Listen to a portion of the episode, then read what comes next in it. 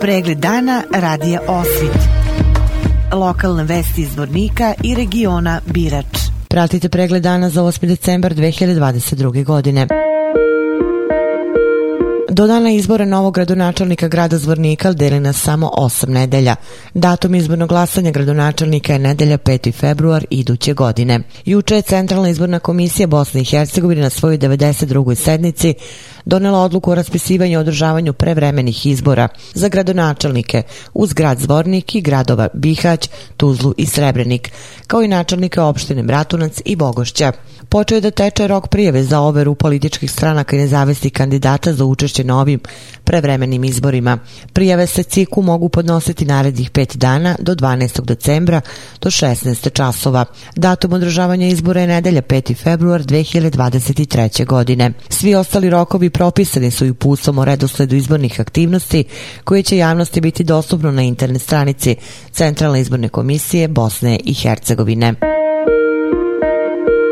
Zamenik gradonačelnika Zvornika Bojan Ivanović najavio je da će u narednoj godini nastaviti sa ulaganjima u infrastrukturu mesnih zajednica, uređenje gradskih ulica, novina i proširenje parking prostora i gradnja jedne garaže na području B blokova.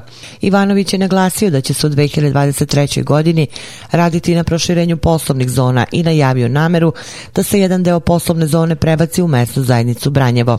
Kako je rekao, svi uslovi su se stekle, u zadnje vreme stiže veliki broj upita od inostranih inostranih firmi u smislu šta ima zvornik i može ponuditi da bi došli u njega. Policijski službenici policijske stanice Srebrenica lišili su slobode lica Ađu iz Srebrenice zbog postojanja osnova sumnje da je počinjelo krivično delo ugrožavanja sigurnosti. Policijski službenici policijske stanice Srebrenica su operativnim radom na terenu došli do saznanja da je lice Ađu iz Srebrenice upućivalo pretnje opasne po život licu ČD. Policijsko stanice Srebrenica lice DN prijavilo je lice SH zbog neovlaštenog fotografisanja i deljenja fotografija na društvenim mrežama, zbog čega su njemu i njegovoj porodici porodici upućeni mnogobrojni uvredljivi komentari. Pripadnice policijske stanice Zvornik ličili su slobode lica GM iz osmaka zbog upravljanja vozilom u saobraćaju pod desom alkohola u organizmu. Njemu alkotestiranjem utvrđeno prisustvo alkohola u količini od 2,24.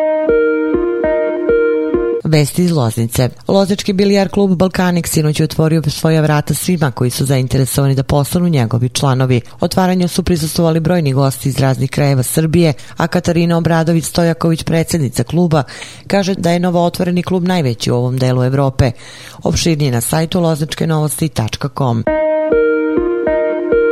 Pratili ste pregled dana za 8. decembar 2022. godine.